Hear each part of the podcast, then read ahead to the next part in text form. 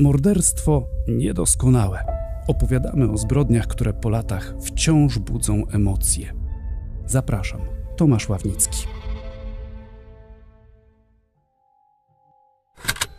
Pierwszy był Stefan W. Jego zmasakrowane, zakrwawione nagie zwłoki ze skrępowanymi nogami znaleziono po paru dniach od morderstwa. Zostały przygniecione meblościanką. Po co? Możliwe, że chodziło o prymitywne zatarcie śladów. Drugi, po niecałym roku, był Jacek C. Tu od śmierci do odnalezienia ciała minęło czasu. Raczej jeszcze więcej. Było ciepło, sąsiedzi poczuli fetor wydobywający się z mieszkania. Klucze znaleźli na klatce na parapecie. Weszli do środka, tam zastali ciało sąsiada. Miał związane ręce i nogi. Miał na sobie tylko majtki. Zwłoki były już w stanie rozkładu. Trzeci, po ledwie trzech miesiącach, był Bogdan J. Jego zwłoki w mieszkaniu znalazły matka z siostrą, zaalarmowane przez znajomego, że kolega nie odbiera telefonu. Ciało leżało w poprzek tapczanu. Mężczyzna nie miał majtek, jedynie koszulkę. Całe mieszkanie było we krwi. Pewnie walczył ze swoim oprawcą. Nawet okna były zakrwawione, jakby próbował wzywać pomocy. Nikt jednak nie zareagował. Po ledwie paru miesiącach, czwarty, Andrzej S. Tu znów od śmierci ofiary do odnalezienia zwłok minęło sporo czasu. Sąsiedzi zareagowali, gdy spod drzwi na klatkę zaczął wydobywać się smród. Zwłoki leżały tym razem na podłodze, ale znów ciało było obnażone. Piąty, ponownie kilka miesięcy potem, to Jakub M. I tu sporo jest inaczej niż we wcześniejszych i w późniejszych przypadkach. Jego ciało znaleziono w lesie, przykryte ściółką. Owszem, był nagi, tak jak i pozostali zabici, ale tym razem do zbrodni nie doszło w mieszkaniu, lecz w samochodzie. Na ponad półtora roku nastąpił spokój, ale później znów to samo. Szósty był Jan D. Ciało znaleziono w jego domu na dywanie, całe zmasakrowane. Wszystkich obrażeń nie sposób wymienić. Połamany nos, liczne rany czaszki. Na sobie miał koszulę, a kalesony miał opuszczone do połowy. Głowę miał obwiązaną przewodem elektrycznym. Tu też jakby sprawca próbował zacierać ślady, ale bardzo nieudolnie. Zwłoki zostały przykryte pościelą, a pościel podpalona. Tyle, że ogień nie objął kołdr i poduszek, tylko je trochę zniszczył, ale do pożaru nie doszło. I znów był spokój, tym razem na niemal półtora roku. Siódmym był Kazimierz K. Jego ciało znaleziono szybko. Do pana Kazimierza przyszli współbiesiadnicy, z którymi wcześniej świętował imieniny koleżanki. I uwaga, oni widzieli, z kim znajomy wraca do swego mieszkania. Ergo, widzieli najbardziej prawdopodobnego sprawcę, który brutalnie obszedł się ze swoją ofiarą. Kazimierz K. miał złamany i właściwie rozszarpany nos, liczne rany głowy zadane od tyłu. Bezpośrednią przyczyną śmierci, jak wykazała sekcja, było uduszenie. Stefan W., Jacek C., Bogdan J., Andrzej S., Jakub M., Jan D. i Kazimierz K. Wrzesień 1988, sierpień 1989, listopad 1989, marzec 1990, lipiec 1990, później luty 1992 i lipiec 1993. Wszystko w Łodzi, w różnych częściach miasta. Tylko do piątego morderstwa doszło we wsi pod Łodzią. Najczęściej narzędziem zbrodni był kuchenny nóż, choć niektórzy z wymienionych zostali przez oprawcę uduszeni. Najpewniej gdzieś między lipcem 90 a lutym 92, czyli między Jakubem M a Janem D, policjanci zorientowali się, że mają do czynienia z seryjnym zabójcą, że wszystkie te zbrodnie to jeden i ten sam sprawca. Wcześniej każda ze spraw była badana jako odrębne zabójstwo. Potem dochodzeniu nadano kryptonim partner i wszystkie sprawy połączono w jedną. Ale niewiele to zmieniło. Po dziś dzień mordercy nie ustalono, a zatem i nie schwytano. Co łączy te sprawy przede wszystkim? To, że każda z ofiar to homoseksualista i to, że każdy z tych mężczyzn zginął albo w trakcie stosunku seksualnego, albo tuż po. Co jeszcze? Wszyscy ci mężczyźni spotykali się na tzw. Tak pikietach, głównie w okolicach dworca PKP Łódź Fabryczna, obok publicznych szaletów. Tam wyszukiwano chętnych na przygodny seks. I od tego chyba tę opowieść należałoby zacząć. Przy telefonie Tomasz Berdzik, prawnik, autor naukowej pracy Analiza modus operandi i próba ustalenia motywacji sprawcy na podstawie studium przypadku niewyjaśnionych zbrodni z Łodzi, kryptonim Partner, pracy opublikowanej przez Uniwersytet Łódzki. Pierwsze pytanie, jakie zadałem ekspertowi, dotyczyło właśnie owych pikiet. No to mm, przede wszystkim chciałem zauważyć, że to nie tylko na dworcu Łódź Fabryczna e, one mm, miały miejsce, był to też Park Moniuszki, były to też e, niektóre toalety męskie, no tak to można nazwać. I pikiety mogą się kojarzyć dzisiaj dość bardzo dwuznacznie. Warto tutaj uściślić, aby uniknąć nieporozumienia. Nie chodzi tutaj o współczesnie zdefiniowanie tego słowa jako pikieta, które oznacza manifestowanie czegokolwiek. Kojarzy nam się to przecież tak kolokwialnie z jakąś demonstracją, grupa osób.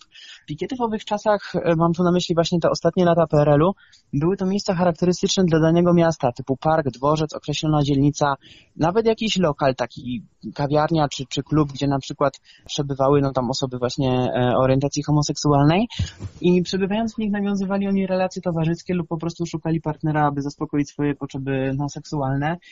Trzeba zasadniczo też wziąć pod uwagę, że w czasach poprzedniego ustroju sfera seksualności, a co dopiero temat związany no właśnie z homoseksualizmem, w PRL był traktowany jako tabu. No oficjalnie tego nie było.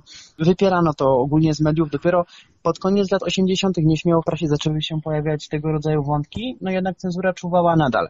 W przypadku dworca Łódź Fabryczna, podobnie jak też e, parku Stanisława Moniuszki, były to miejsca właśnie integracji męskiej społeczności LGBT, nie tylko zresztą z samej Łodzi, ale też z okolicznych miejscowości z ówczesnego województwa, tam ci mężczyźni też e, przyjeżdżali. To było tak, że no przebywali, tam ktoś pewnie chodził z papierosem, ktoś tam podchodził, rozmawiał. Wiadomo, że te miejsca były też znane innym obywatelom. Mam tu na myśli na przykład organy ścigania, mam tu na myśli na przykład osoby, które mogły napadać i próbować też dokonać na tych mężczyznach w poszukiwaniu jakiegoś profitu. Ale do zbrodni nie dochodziło na pikiecie, na mieście.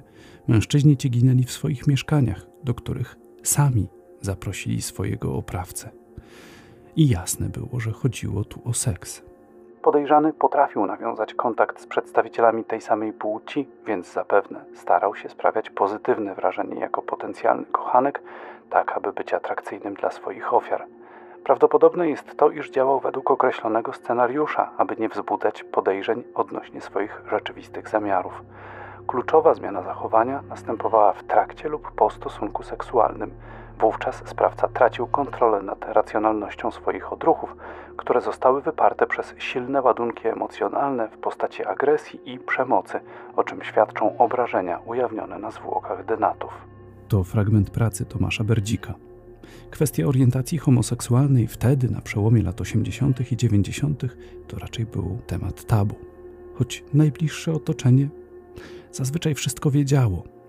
Stefan W. był mieszkańcem starej kamienicy przy ulicy Grabowej, to całkiem blisko centrum. Ulica nie cieszy się dobrą sławą.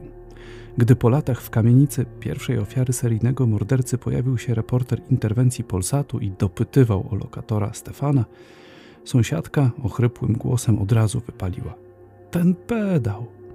A sąsiad dołożył: Co ten ksiądz do niego przychodził, Pedzio też. Czyli wszyscy wiedzieli. Świadkowie opowiadali, że w domu Stefana W. zawsze było dużo gości, najczęściej mężczyźni. Przewijali się przeróżni. Stefan W. miał 37 lat, był na rencie, mieszkał sam. Biedny nie był. Jeździł na Węgry, tu kupił, tam sprzedał. Gdy po zabójstwie ustalano, co zniknęło z jego mieszkania, lista zrobiła się całkiem długa. Najcenniejsze przedmioty, jakie padły łupem mordercy, to magnetowid, aparat fotograficzny i dwa sygnety. Jak po latach wspominają funkcjonariusze łódzkiego Archiwum X, po zabójstwie Stefana W. przesłuchano 136 świadków, w znacznej mierze homoseksualnych mężczyzn, którzy znali zamordowanego z pikiet. Policjanci nic się nie dowiedzieli. Środowisko osób homoseksualnych w czasach PRL oraz w latach 90. było bardzo hermetyczne i nieufne, wręcz e, bardzo nastawione, jak chodzi o organy ścigane jako taki przykry obowiązek, jeżeli musieli zostać przesłuchani albo w ogóle mieć jakiś kontakt. Traktowano naprawdę bardzo mm, z perspektywy marginesu tą społeczność homoseksualną. Czasami nawet wystarczy powiedzieć jakieś słowo podczas przesłuchania, czy szydercze, czy jakąś mimikę twarzy przybrać i ten człowiek, którego przesłuchujemy, on się już zamyka i koniec i on na nic nie powie bo on wie, że już nie ma sojusznika przesłuchującym, tylko wroga. Więc ja mówię, to kwestia jest tego, w jaki sposób te były przesłuchiwania, bo każdy przesłuchujący, każdy prokurator czy śledczy zupełnie ma inny warsztat pracy.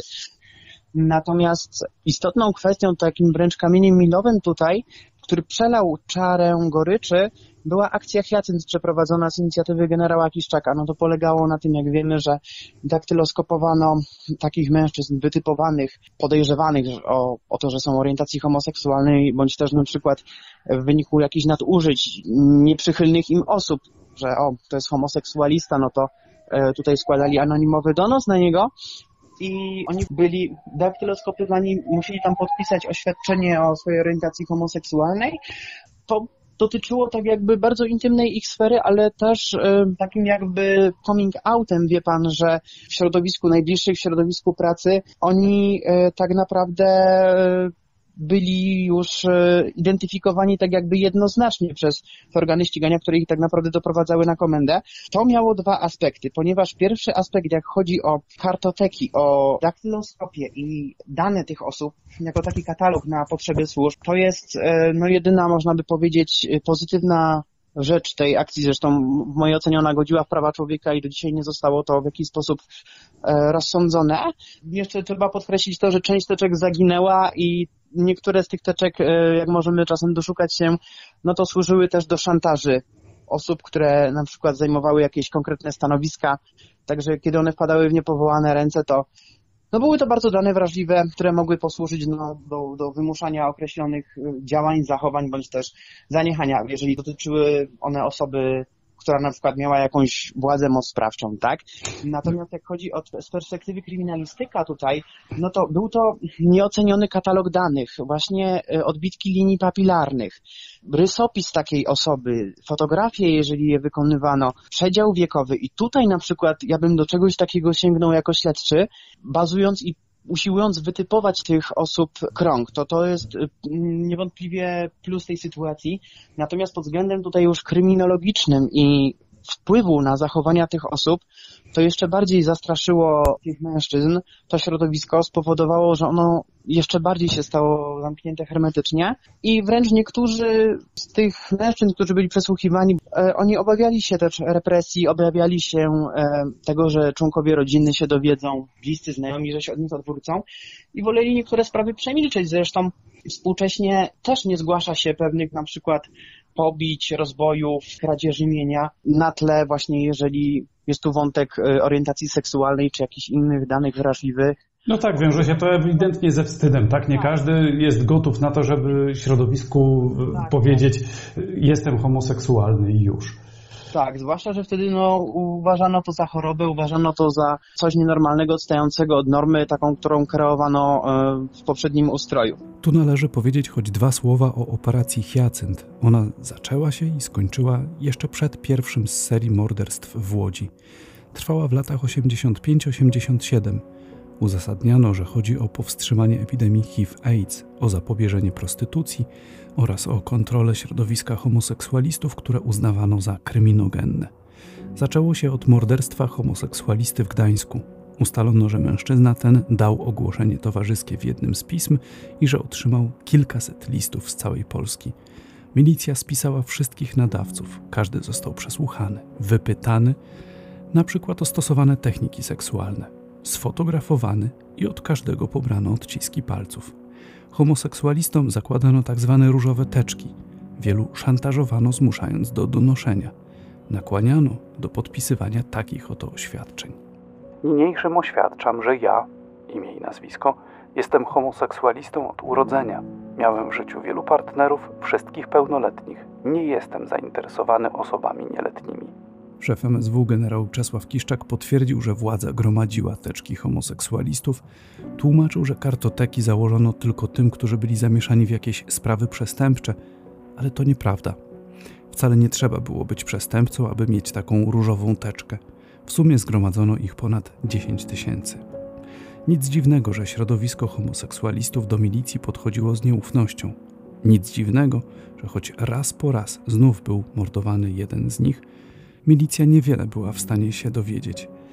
Z drugiej zatem strony nic więc też dziwnego, że i milicji to dochodzenie szło jak po grudzie i dopiero przy piątym zabójstwie, hm, to już była połowa roku 90, czyli to już była nie milicja, a policja, stała się nią właśnie w kwietniu 90, no i wtedy zaczęto poważniej łączyć wszystkie te sprawy.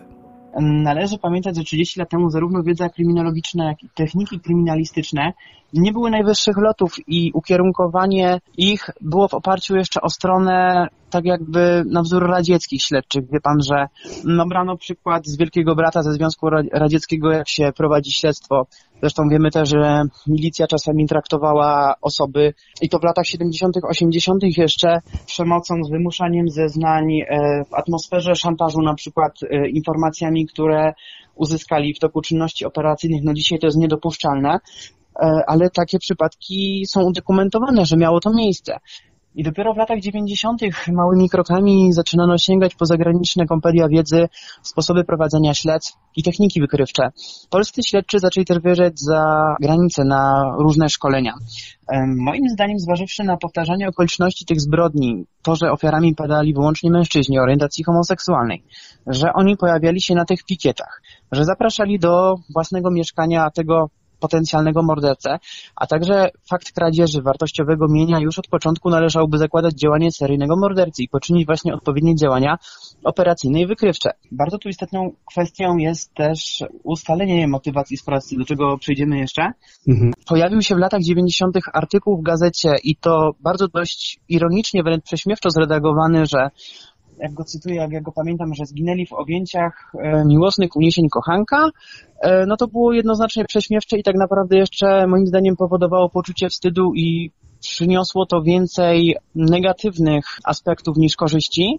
Tak poinformowano w prasie o, o tej sprawie i nie wnosiło to wiele już dla sprawy, no bo tak naprawdę gdyby zaczęto działać wcześniej, Gdyby policja też zaczynała to od razu łączyć i ja powiem panu tak, że na pewno ci mężczyźni, którzy tam żyli w Łodzi w tym czasie i w okolicach, oni od początku musieli wiedzieć, że jeżeli już pierwsze, drugie, trzecie zabójstwo, to kojarzyli sobie po prostu te fakty, które panu powiedziałem, przebywanie mm -hmm. na pikiecie, orientacja seksualna, kradzież mienia takiego, które posiadali ci mężczyźni, no to y, oni sami musieli się już zainteresować tym, że dzieje się coś niedobrego w ich środowisku. Natomiast organy ścigania nie łączyły tego praktycznie. Dopiero już w latach 90. został nadany właśnie ten kryptonim partner. Materiałów, które można znaleźć e, dotychczas, co mi się udało ustalić jako odrębne ze sobą. Natomiast ja nie wiem, bo może na przykład istnieją jakieś notatki, jakieś zaszyfrowane powiedzmy w archiwach depesze, które mówią, że może być to jakaś konkretna osoba i, i że podejrzewa się serię. Natomiast mówię panu, no zupełnie inaczej to wyglądało te 30 lat temu mm, i zarówno z perspektywy kryminologii, metodologii śledztwa, zakładania wersji śledczych, no i też y, z aspektów wykrywczych kryminalistycznych. A mm, co panu powiem, to, to też jest cechą wspólną, że na miejscach zbrodni, mówię miejscach, bo głównie to były mieszkania tych mężczyzn. Natomiast jednym miejscem zbrodni, miejscem powiedzmy zdarzenia, tak jakby to określić fachowo perspektywy oględzin, e, no to był samochód marki Żuk i Las e, w rejonie Łodzi.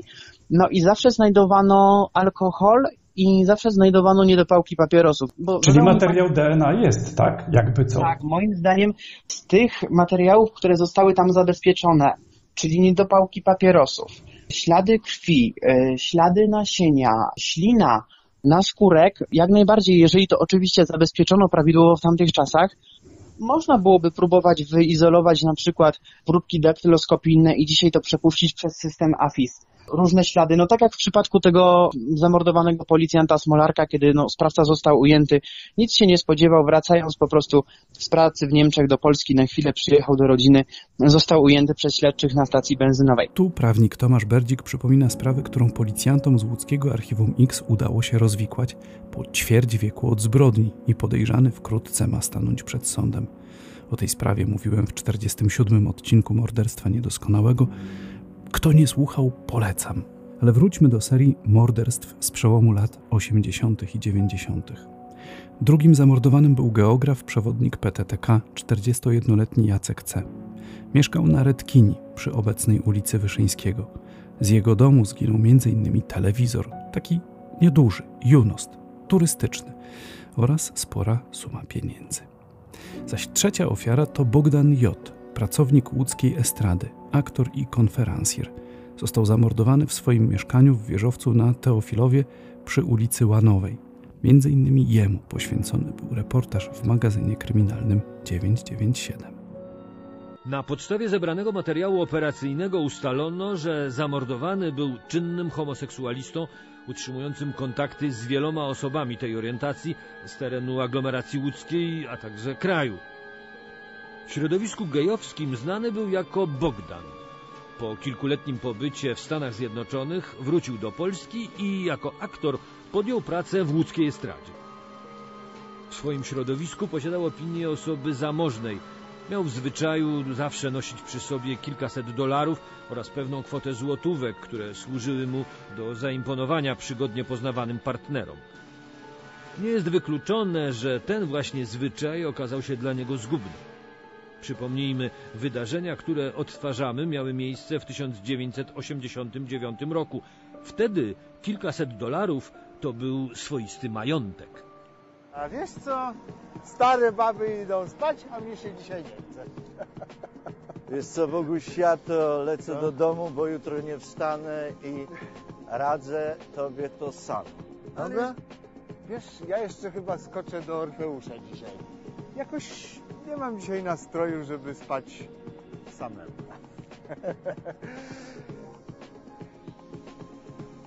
Ty, ładny chłopiec.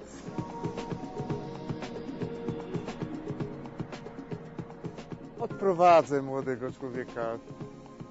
Nie przejmuj się, wszystko jest w porządeczku. no. Trzymaj się.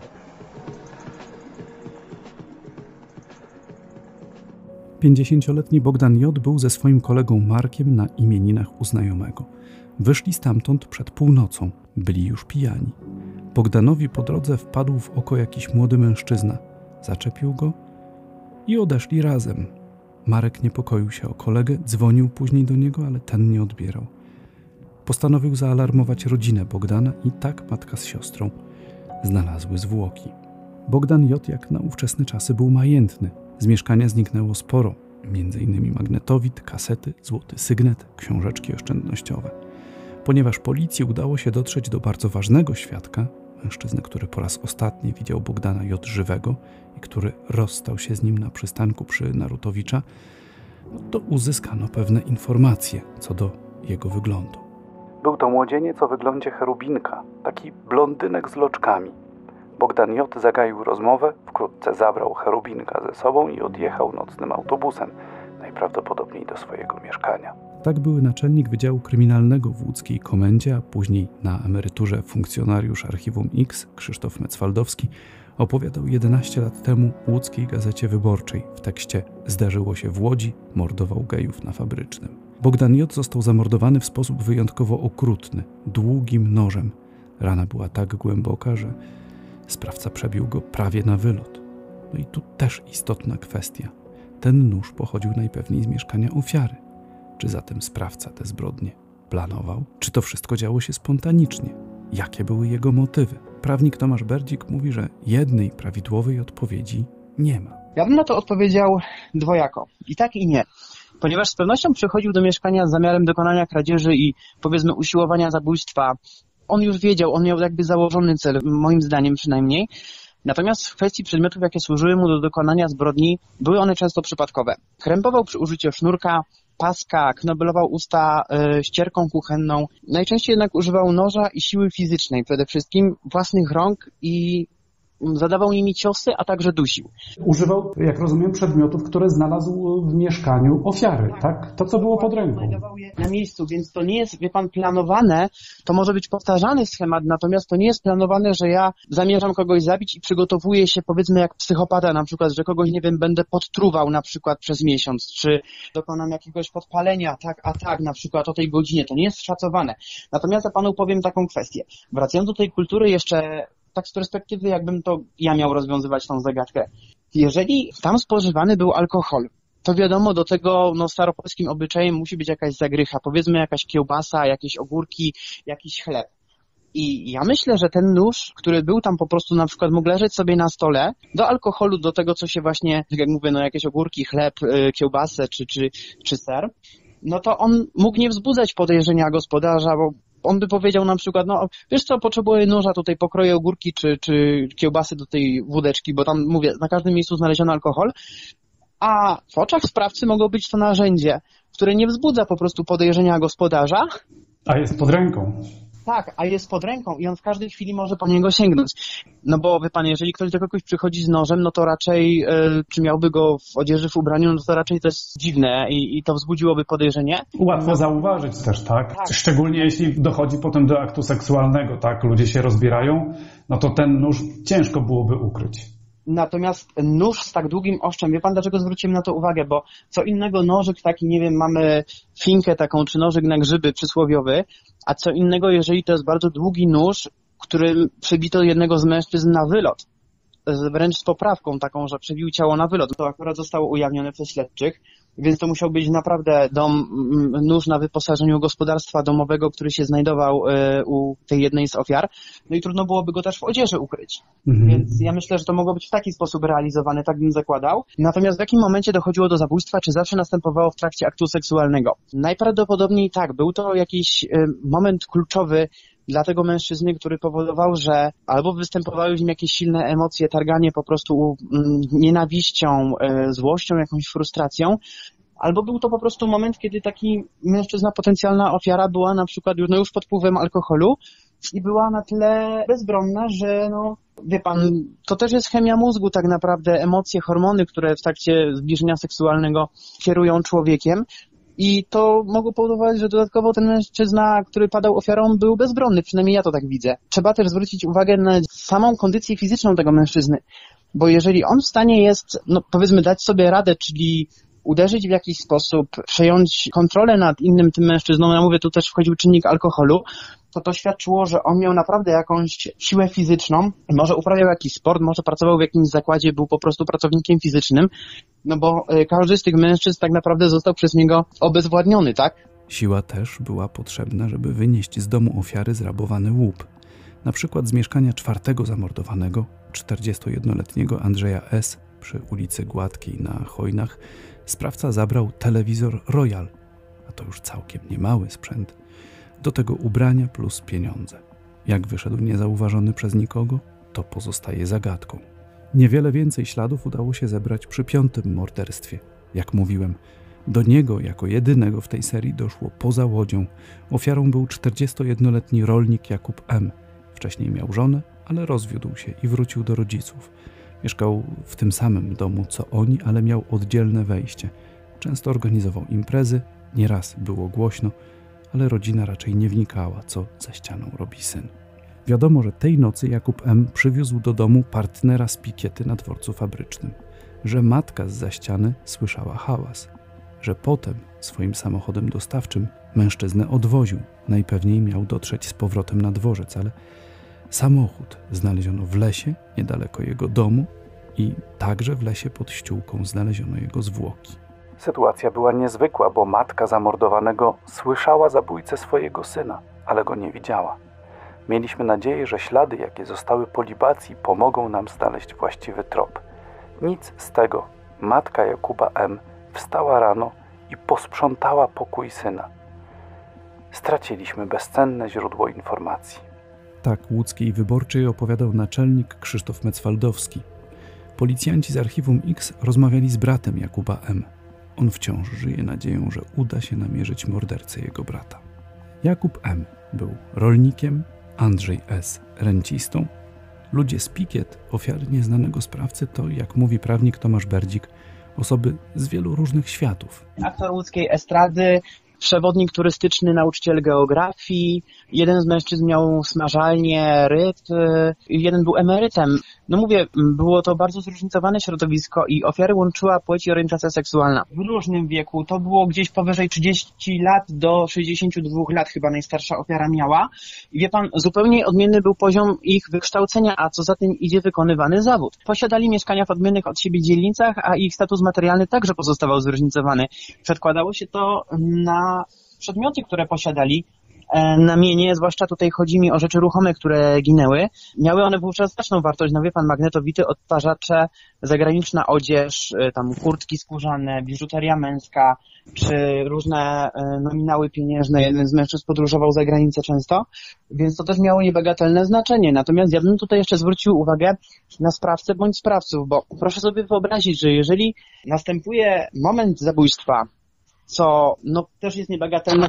Można też e, znaleźć informację, że oni mieli obrażenia na rękach, czyli mężczyźni się bronili, tam próbuje jakoś zmienić tor ciosu, którym jest uderzany, to też na pewno musiały być krzyki, też musiałyby być jakieś na przykład gwałtowne ruchy, że e, meble się przesuwały, że hałasy, które mogły budzić sąsiadów, no bo to było często bardzo późno już w nocy, tak? Mhm. I proszę sobie zwrócić na to uwagę, że jeżeli y, sprawca dopuszczał się zaboru tego mienia i, i, i opróżnienia mieszkania z tych rzeczy, no to musiał to mieć też w jakiś zorganizowany sposób, bo proszę sobie wyobrazić, bierze pan magnetowid, bierze pan jakiś, nie wiem, odtwarzacz płyt winylowych, y, bierze pan, nie wiem, jakieś takie kawiarki, jak na przykład dawniej zaparzano kawę, czy samowary, czy biżuterię, no to są rzeczy jednak dużo gabarytowe, one mają... Mm, no w jednym przypadku telewizor zginął. Tak, telewizor również. Zwróćmy teraz uwagę na takie okoliczności. Dawniej były patrole e, piesze i policji i również jeździły radiowozy policyjne, też patrolowały w PRL-u. No to tu, tu się rodzi pytanie, czy on miał jakiś, ten sprawca, wspólników, czy posiadał jakiś środek lokomocji na przykład, żeby przewieźć te rzeczy. No, dziwnie mi to wyglądało, jeżeli sprawca wiedząc, że mógł zaalarmować sąsiadów tym hałasem, tą bijatyką i tym momentem, kiedy ofiara ginęła, krzyczała, tam mówię, e, no były odgłosy walki, żeby on wracał kilkakrotnie do mieszkania ofiary celem no, dokonania jeszcze kradzieży te, tego mienia, które było znaczne, które trzeba było przemieścić, przewieźć. No, raczej spacer, wie pan, w nocy z telewizorem czy z jakimś magnetowidem na pewno by wzbudził e, uwagę funkcjonariuszy, czy też zwykłych ludzi, sąsiadów. No bezszelestnie potem... trudno to zrobić. Tak, takie, takie rzeczy, a tam naprawdę bardzo sporo mienia ginęło, więc ja się też zastanawiam, czy to, jak chodzi o jedną z wersji śledczych, czy to e, nie była osoba na przykład, która upłynęła w jakiś sposób później to, i to nie mówię konkretnie na przykład na bazarach czy giełdach w Łodzi, ale czy na przykład ta osoba nie była zupełnie spoza województwa łódzkiego i czy ona na przykład gdzieś indziej tego, żeby jeszcze zatrzeć bardziej ślady po sobie, nie upłyniała na w innym województwie. Natomiast jeszcze kwestia jest taka notesu. Nie wiem, czy pan zwrócił na to uwagę, ale mówi właśnie pan, że przesłuchano e, setki świadków. Mhm. No tak, przesłuchano setki świadków. E, dzięki temu, że był notes, u jednej z ofiar znaleziono notes z kontaktami tych mężczyzn, no wiadomo, po prostu dzwoniono do każdej z tych osób, wzywano ją, sprawdzano też, co jest pod tym numerem i w ten sposób po prostu te osoby były przesłuchiwane na podstawie tych numerów telefonów z notesu. Natomiast podczas jednej z ostatnich zbrodni taki notes zaginął.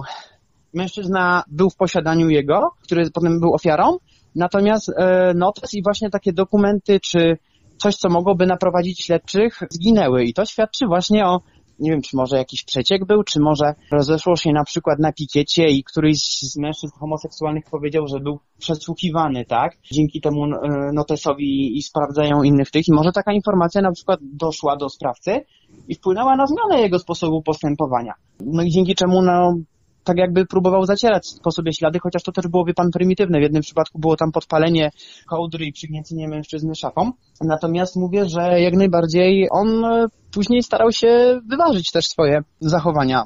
Tak jakby ucząc się powiedzmy no, na błędach, na tym, co z poprzednich e, zdarzeń, tych zabójstw mogło doprowadzić do jego identyfikacji, tak? No właśnie, jeśli chodzi o identyfikację, w programie 997 w łódzkiej prasie podawany był rysopis do poszukiwanego. Blondyn, lat 27 około, kręcone włosy, taki cherubinek. Czy to ten sam sprawca pojawiał się przy wszystkich tych zabójstwach? No mówię, mamy tutaj kontinuum gdzieś powiedzmy 5 lat, tak? 88 rok i 93. I tutaj należy zwrócić też uwagę, no, że zachodzą i zmiany fizyczne wraz z wiekiem, ale też jeden ze śledczych mówił, że być może zmiana w wyglądzie mężczyzny, który na początku był bardzo zadbany, delikatne włosy, yy, jeansowa kurtka, co naprawdę wtedy wówczas było czymś bardzo, yy, taka wie pan, kurtka z kożuszkiem, to było coś, co można było nabyć w Pedeksie albo za granicę, nie było tego w polskim przemyśle. Nie, albo na Górniaku, przepraszam, że się tak wtrącę, ale na, na targowisku na Górniaku wiele rzeczy można było kupić. Tak, tylko że wie pan, no to też trzeba było mieć odpowiednie środki, żeby coś takiego kupić, no nie każdy mógł sobie na to pozwolić. Na markową taką odzież, a, czy na przykład lakierki, to świat świadczyło o pewnym statusie materialnym tej osoby albo poziomie życia też. Natomiast później ten mężczyzna był opisywany jako, bo ta kropka charakterystyczna, która występowała i tatuaż mężczyzny, to są te cechy zbieżne. Natomiast później on miał już tak jakby przerzedzone w gorszej kondycji włosy, bardziej zmęczoną twarz. No kwestia też nałogów, nie wiem, papierosy, alkohol, tak? Czy... Możliwe, że narkotyki, tak? Końcówka tak, lat tak. 80., początek 90. Tego tak, było jak sporo. Jak najbardziej się z Panem zgodzę. Natomiast mówię, i, i kwestia też y, no, różnicy tych pięciu lat, to też człowiek naprawdę się bardzo zmienia, ale też może podejmował jakąś pracę fizyczną, w jakimś zakładzie pracował. On tam e, powiedział, ale myślę, że to jest informacja nieprawdziwa. Rzucił tam podczas rozmowy w autobusie do takiego lekarza, który był kolegą jednego z zamordowanych, że on pracuje w zakładach Eskimo. Ja myślę, proszę pana, że było tak, że ten mężczyzna mógł w ogóle nie mieszkać w Łodzi, bo tak to myślę, że łatwiej by go zidentyfikowano, tylko on przyjeżdżał jednak spoza województwa do Łodzi. Może go łączyły jakieś na przykład kwestie zażyłości rodzinnej, może na przykład jakąś określoną pracę wykonywał przez pewien czas, typu, że wie pan, nie pracował stale na terenie Łodzi, tylko miał e, określone na przykład zajęcia dorywcze albo był na przykład kierowany tam z jakiegoś zakładu pracy i dlatego to też mogło się przyczynić, że nie był on aż tak rozpoznawalny, znany, jak chodzi o Łódź. Natomiast mówię, udokumentowano zupełnie inny jego wygląd, który uległ już e, zmianie, nie był aż tak atrakcyjny, powiedzmy, e, dla tych mężczyzn, jak na początku właśnie w, e, w 88 roku. Natomiast jeszcze chciałbym zwrócić uwagę, jak mówimy, wie Pan, o tym notesie i o innych kwestiach mm -hmm. takich, które mogą poświadczyć potem za źródło dowodowe, bo to wszystko jest tak naprawdę śladem, a śledczy, no, prokurator decyduje, że coś później się stanie źródłem dowodowym, z którego można potem mm, jakieś wnioski formułować. No to wiemy, że jak było to zabójstwo tego pana Kazimierza, który miał 62 lata, to oni wcześniej byli na, tam prawdopodobnie pani Wiesława się nazywała, jego przyjaciółka na imieninach i tam też o jego zachowaniu, że on był bardzo nieśmiały i powściągliwy wobec kobiet.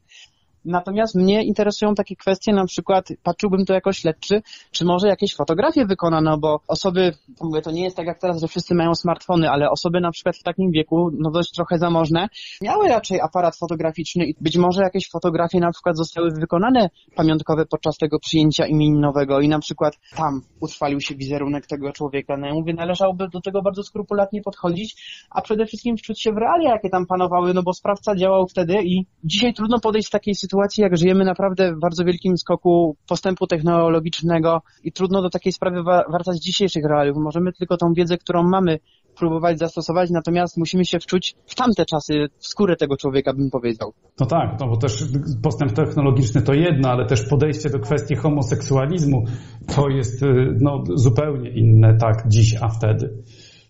No wie pan, no mm, świeży temat, cała Polska tym żyła, to jeszcze jeżeli mogę wspomnieć, ja jestem z Limanowej, pochodzę, moje liceum pierwsze, do którego chodziłem, no ukazały się ostatnio na lekcji religii, wie pan, e, A, tak. to, to pewnie pan słyszał, elektrowstrząsami, chemiczną, ubezpładnianiem, no po prostu, no to jest przerażające, że e, tak jakby w niektórych umysłach się 30 lat nic nie zmienia od tej mentalności, wie pan, z PRL-u. To taka gorzka uwaga na marginesie.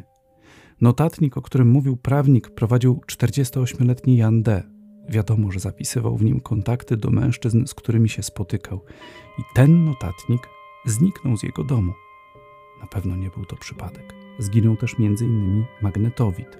Jan D. prowadził smażalnię przy Kilińskiego. Mieszkał w domu na Łagiewnikach.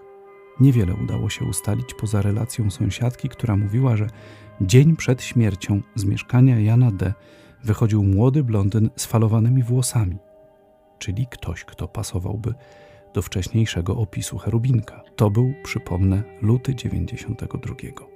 Ale najwięcej śladów udało się zebrać przy sprawie zabójstwa siódmego. To już był lipiec 93. Tu ofiarą był 62-letni Kazimierz K. mieszkający przy Konstytucyjnej na Widzewie. Ale zanim o nim i o tym zabójstwie, trzeba powiedzieć o tym, co działo się dzień wcześniej, czyli o tym, w jaki sposób starszy Kazimierz K. poznał swojego młodego oprawcę. I tu pojawia się postać niejakiego Skowrońskiego. Tak homoseksualista w średnim wieku został opisany w magazynie 997. To kluczowy świadek. Opowiedział on policji, że 9 lipca na pikiecie na placu Dąbrowskiego poznał młodego, biednie ubranego mężczyznę. Ten powiedział mu, że ma 26 lat, że mieszka przy Żgowskiej z matką, że pracuje w zakładach przemysłu bawełnianego Eskimo, czyli w tzw. Tak czerwonej fabryce przy Piotrkowskiej i że ma na imię Roman.